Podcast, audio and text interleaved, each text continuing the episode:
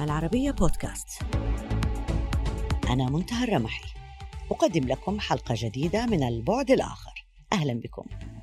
على مدى 23 عاما من العيش مع فلاديمير بوتين اعتقد الروس أنه لا يتسامح بالمرة مع الخيانة التي يعدها الجريمة الكبرى. أثبت ذلك مع كل من سيرجي سكريبال وأليكسي نافالني لكنهم عرفوا أيضا في السادس والعشرين من يونيو أن الخيانة قد تكون لدى بوتين قابلة للنقاش.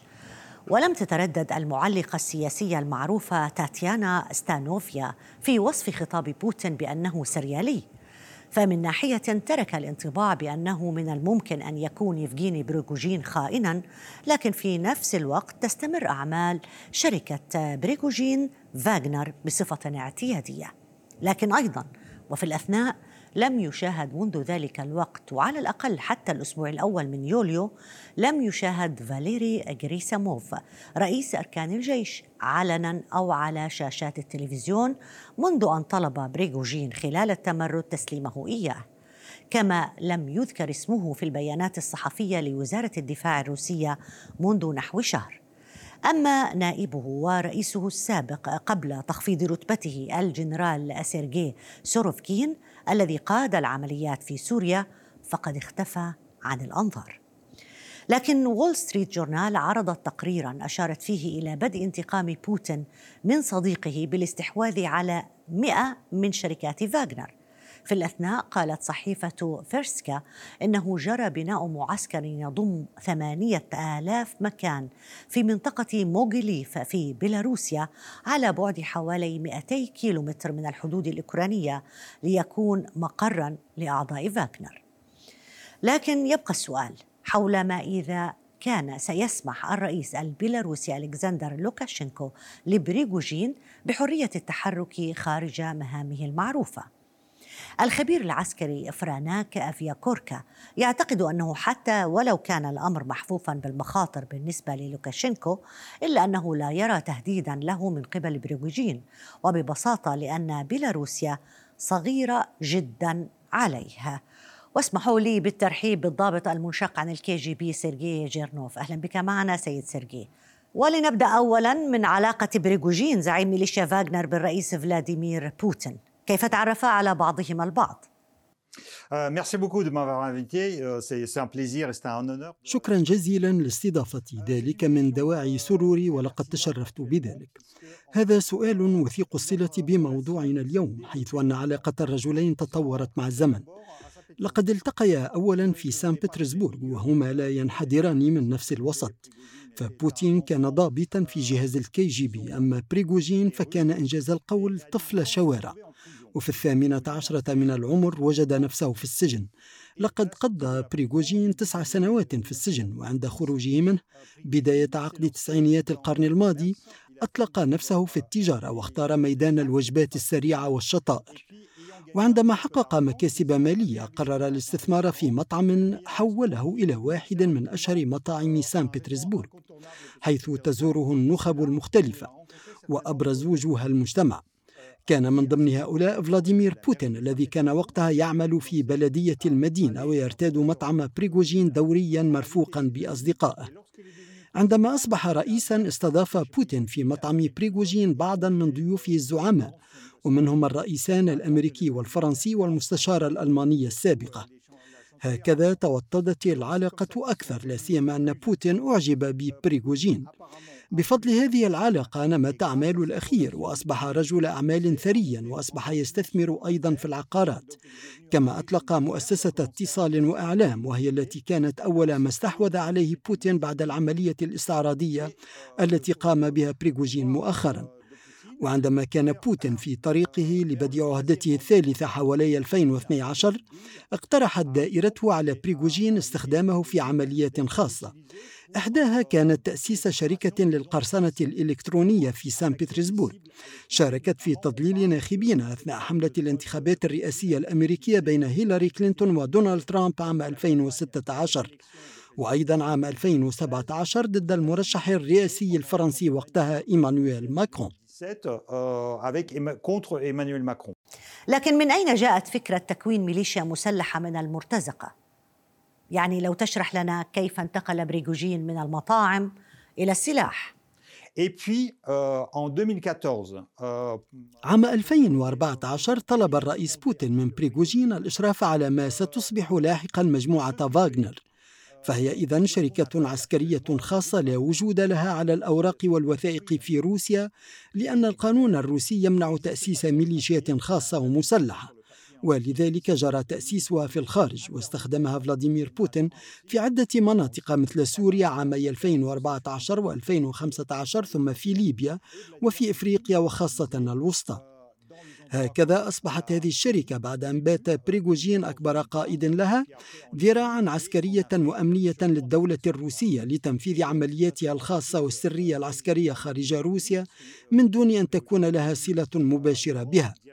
هكذا أصبح بريغوجين مليارديرا ورجلا قويا جدا وهكذا أيضا عندما بدأ بوتين الحرب أو الاعتداء الكبير على أوكرانيا عام 2022 وعندما بدأت مظاهر الهزيمة على الجيش الروسي بمواجهة صعوبات قرر بوتين الاعتماد على مجموعة فاغنر ودعوة بريغوجين للالتحاق بالمعارك وإرسال مرتزقته إلى أوكرانيا لكن مؤخرا تغيرت العلاقة بين بوتين وبريغوجين.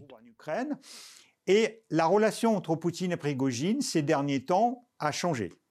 كيف ذلك ومتى تحديدا؟ puisque au mois de septembre euh, l'année في شهر سبتمبر العام الماضي شعر يفغيني بريغوجين بأن فلاديمير بوتين بدأ يضعف سياسيا داخل روسيا فتح له ذلك نافذة ليصبح شيئا آخر أكثر من رجل ثري يملك مليارات الدولارات وبارون حرب غذى ذلك لديه رغبة بأن يكون له مستقبل سياسي فقرر الانخراط تماما في الحقل السياسي ويمكنني القول بشيء من السخرية أن بريغوجين أصبح رئيسا بالوكالة وبوتين رئيسا بالاسم فقط. فبوتين قبل العملية التي نفذها بريغوجين أصبح يقضي جل وقته في المخابئ ولم نعد نراه كثيرا وتقلصت اتصالاته مع الآخرين بل إن هناك من يقول أنه يستخدم في بعض المرات شبيها له. وعلى العكس منه أصبح بريغوجين كثير الحضور في وسائل الإعلام كما أنه طول الوقت على جبهة القتال في الدونباس ولا سيما في بخموت. وهنا أكمل صراحة الإطار الذي يجعل منه رجل سياسة. أعتقد أن هذا التغيير لا يلقى القبول الحسن لدى فلاديمير بوتين. هذا ما يمكن أن ألخص به هذه العلاقة. Euh, أنت تتحدث سيد جيرنوف عن مشكلة صريحة بين بريغوجين وبوتين نفسه وليس بين الأخير وقادة الجيش. هل ما فهمت من كلامك صحيح؟ هل يعني هذا أن الصراع بين قادة الكرملين العسكريين قد بدأ فعلا.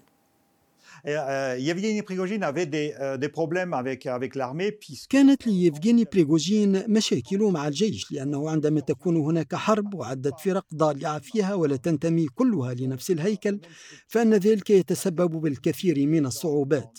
هكذا بدأ بريغوجين يواجه المشاكل مع الجيش الروسي الذي يقوده وزير الدفاع شويغو وقائد أركان الجيش جراسيموف هذه الصعوبات بدأت بكيفية خطيرة في سبتمبر 2022 ومنذ ذلك التاريخ تزايدت. ولمدة تسعة شهور يقضي بريغوجين وقته في انتقاد إدارة الجيش الروسي. المشكلة أن القيادة جرى تعيينها من قبل بوتين نفسه وهكذا بانتقاده كبار قادة الجيش فأن بريغوجين يجد نفسه في موقف المتحدي لفلاديمير بوتين الذي كان بدوره جزئيا وبطريقة ما هدفا أيضا لهذه الانتقادات حتى وإن لم تتم الإشارة إليه بالاسم أبدا. شهد شهر مايو منعرجا واضحا حيث على ما يبدو بدأ بريغوجين في الانتقاد المباشر لبوتين. ومثلا نظم بوتين الموكب العسكري السنوي لإحياء ذكرى النصر في الساحة الحمراء في التاسع من مايو. والذي لم يتم بأسلوب جيد لأنه كان على نطاق محدود جدا ولم يتم فيه استخدام الدبابات الحديثة. بدلا من ذلك جرى استعراض دبابات من الحرب العالمية الثانية. لم يستغرق خطابه وقتها أكثر من عشر دقائق وسط حضور قليل وضيوف من دول صغيرة كانت تتبع الاتحاد السوفيتي السابق. لذلك لم يعكس معاني المجد والنصر. في تلك الأثناء في نفس فترة الاحتفال نشر بريغوجين فيديو مهما للغاية. انتقد فيه صراحة فلاديمير بوتين بشأن قيادته للحرب في الدونباس وهذا ما أثار الكثير من التعليقات والتقارير ومن ضمنها مقال لواشنطن بوست لكن ذلك المقال كان عملية خاصة في رأيي أمريكية أو أوكرانية أو مشتركة كان هدفها مزيد توسيع الهوة بين بريغوجين وبوتين يعني أن الأمريكان فهموا أن المياه تعكرت بين الرجلين وبالتالي لعبوا على هذا الوتر هذا المقال الذي أشار إلى أن بريغوجين خان الجيش الروسي بتزويد الأوكرانيين بمعلومات عن أماكن الجنود الروس كان مهما لأنه أثبت أن المعسكر الأمريكي شعر بأن الأمور ليست على ما يرام بين بريغوجين وبوتين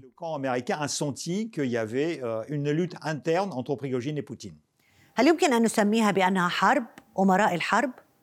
Absolument. A... نعم هذا صحيح تماما فصراع القادة العسكريين بدأ في الكرملين وفي الحقيقة فقد كان موجودا حتى قبل هذا.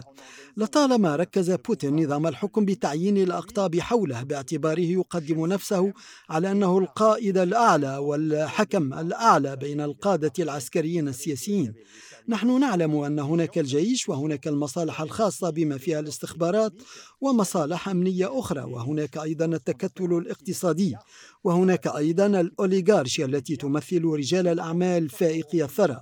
هناك رجال أثرياء الإعلام إضافة إلى الحقل السياسي التقليدي أي البرلمان والأحزاب المتحالفة في الحكم والدوما ومجلس الاتحاد.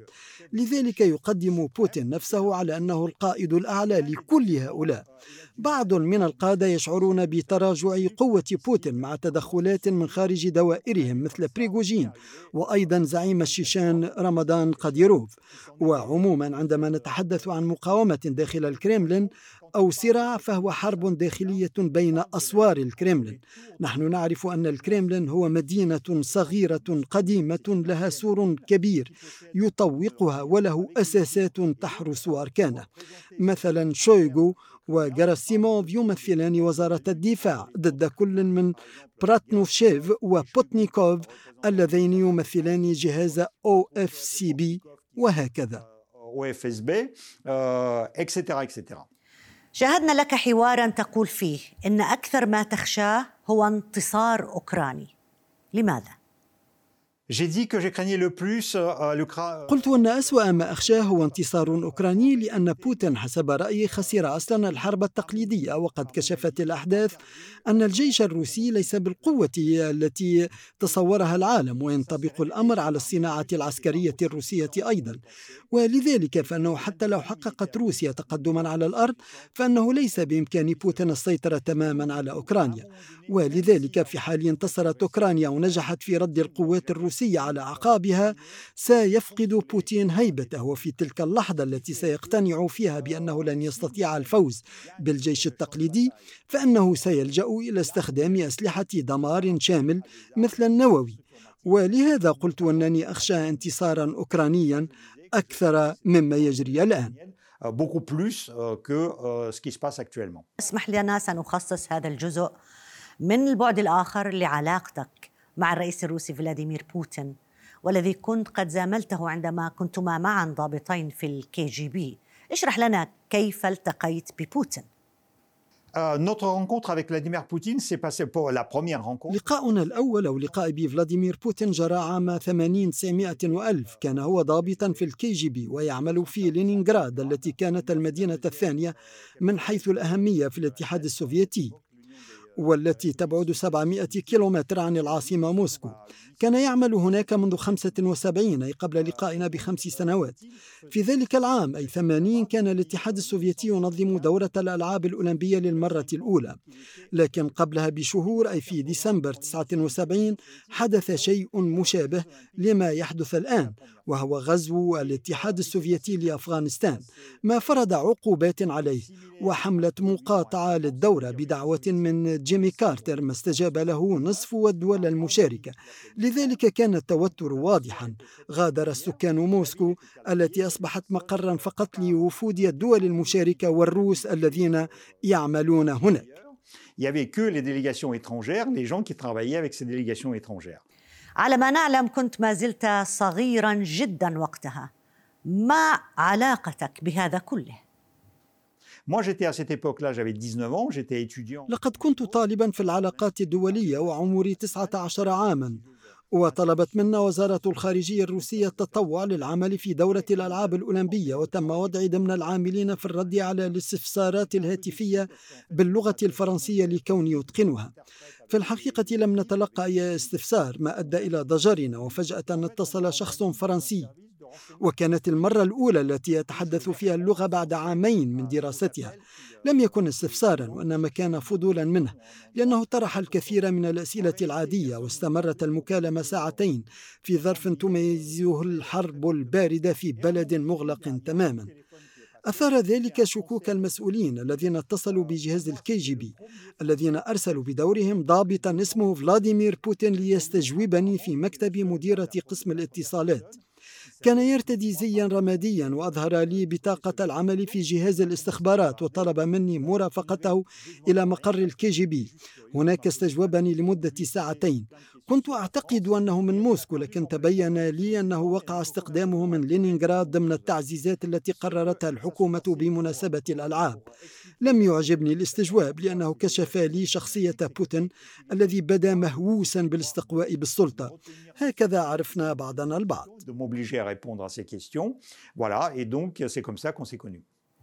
نفهم أن انطباعك عن بوتين كان سيء. وأنكما التقيتما لاحقا في ظروف مختلفة تمام؟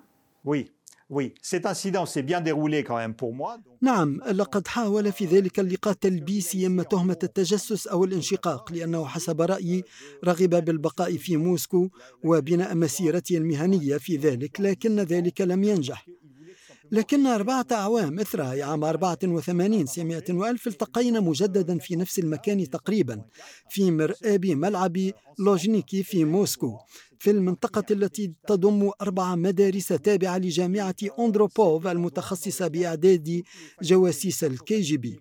هناك يجري تجميع الخريجين لتوزيعهم على مختلف نقاط وفروع الجهاز.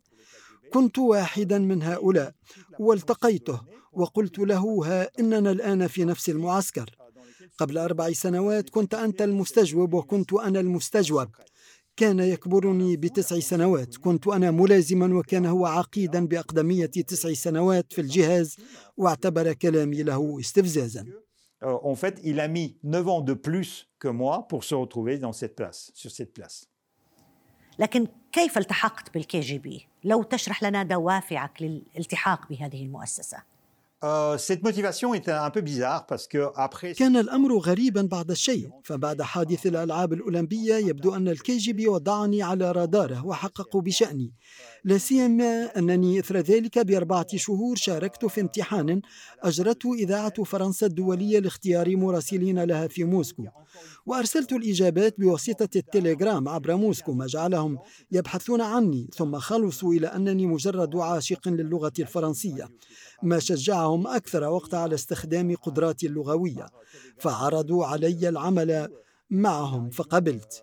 كان الاتحاد السوفيتي مغلقا وهو ما حد من حريتنا في السفر وبحكم إتقاني الفرنسية والإنجليزية في المدرسة ثم تعلم الإسبانية أثناء التدريب من قبل الكي جي بي كان ذلك دافعا إضافيا لي حتى أستطيع الخروج ومغادرة البلاد Et la seule façon pour moi, quasiment, c'était de rentrer dans le KGB. Donc j'ai accepté cette proposition. سيادة الجنرال أنت تصر في مقالاتك وأعمالك على اعتبار أن دوافع حرب أوكرانيا ليست سياسية أو عقائدية ما هي إذن هذه الدوافع برأيك؟ Euh, هناك دافعان لفلاديمير بوتين. أحدهما رسمي يعلنه في خطاباته وهناك دافع حقيقي بالنسبة الي يدعي رسميا أنه يريد انتزاع النازية من أوكرانيا وهو أمر غريب وخاطئ. بالنسبة الي هناك شعور شخصي وراء قرار بوتين غزو أوكرانيا. وهو أن أوكرانيا تخلصت من الطوق السوفيتي في الوقت الذي بقي فيه رجل الكريملين حبيس تلك الحقبة. لقد خلص بوتين إلى أن أوكرانيا فرت من قبضته ولذلك حاول مرتين فرض رجله على كييف وهو يانوكوفيتش. تخيلوا أنه تحول بنفسه مرة أثناء الحملة الانتخابية ليشرف على تجمع انتخابي ليانوكوفيتش. شعرت أوكرانيا بالإهانة وأطلق أبناؤها ثورة سميت بانتفاضة ميدان. وفشلت خطته وتم انتخاب منافسي يانوكوفيتش. يوتشينكو ما ترك ثأرا شخصيا في نفسية بوتين. في المرة الثانية عام 2010 تقدم يانوكوفيتش مرة أخرى وفاز. ما وضع البلاد في مفترق. وما إذا كانت ستعود للحضن الروسي وهو ما اختاره الرئيس الجديد. لكن الأوكرانيين انتفضوا مجددا ما أجبر يانوكوفيتش على مغادرة البلاد. وهذا ما استخدمه بوتين ليتهم الأوكرانيين بقلب نظام حكم حليفه لجأ يانوكوفيتش إلى موسكو وقرر بوتين الرد عسكريا. فضم القرم عام 2014 وبدأ سلسلة أعمال عدائية استفزازية في الدونباس.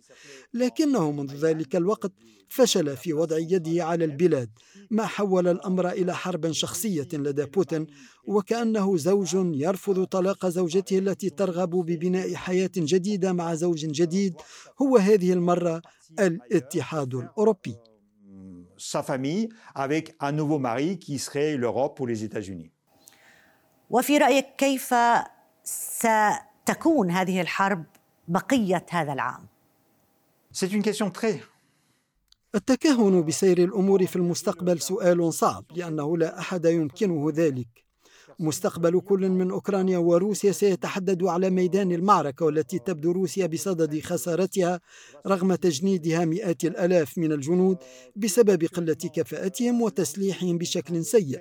كما أن موسكو لم تعد قادرة على تصنيع أسلحة حديثة كما أنها اقتنعت بأنه لا بديل لها عن الاعتماد على التكنولوجيا الغربية في التجهيز العسكري.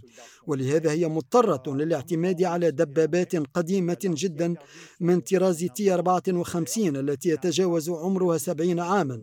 ولذلك فإن الأمور تدور بشكل سيء جدا بالنسبة إلى الروس حتى وإن كانوا يحرزون تقدما بين الفينة والأخرى. في الوقت الذي يتلقى فيه الأوكرانيون دعما من تحالف غربي من 54 دولة تزودها بالدعم العسكري من سلاح وعتاد حديث وأكفى وأيضا بدعم اقتصادي قوي جدا. ويبقى الأمر متعلقا بالفترة وبحجم الخسائر التي سيتطلبها ذلك وكيف سيتقبل بوتين ذلك. هل سيستخدم سلاحا أكثر قدرة على التدمير مثل ما فعلت الولايات المتحدة ضد اليابان عام 45 سمات وألف أو أنه سيطاح به من منصبه اقتناعا من الدوائر المحيطة به بعبثية الحرب لا أحد يعرف ذلك حتى الآن. Euh, dire. سيد سيرجي جيرنوف شكرا جزيلا لك على مشاركتنا هذه الحلقة من البعد الآخر. وإلى هنا مشاهدينا الكرام تنتهي حلقة اليوم من البعد الآخر. يمكنكم دائما متابعتنا على مواقع التواصل الاجتماعي تويتر فيسبوك ويوتيوب. إلى اللقاء.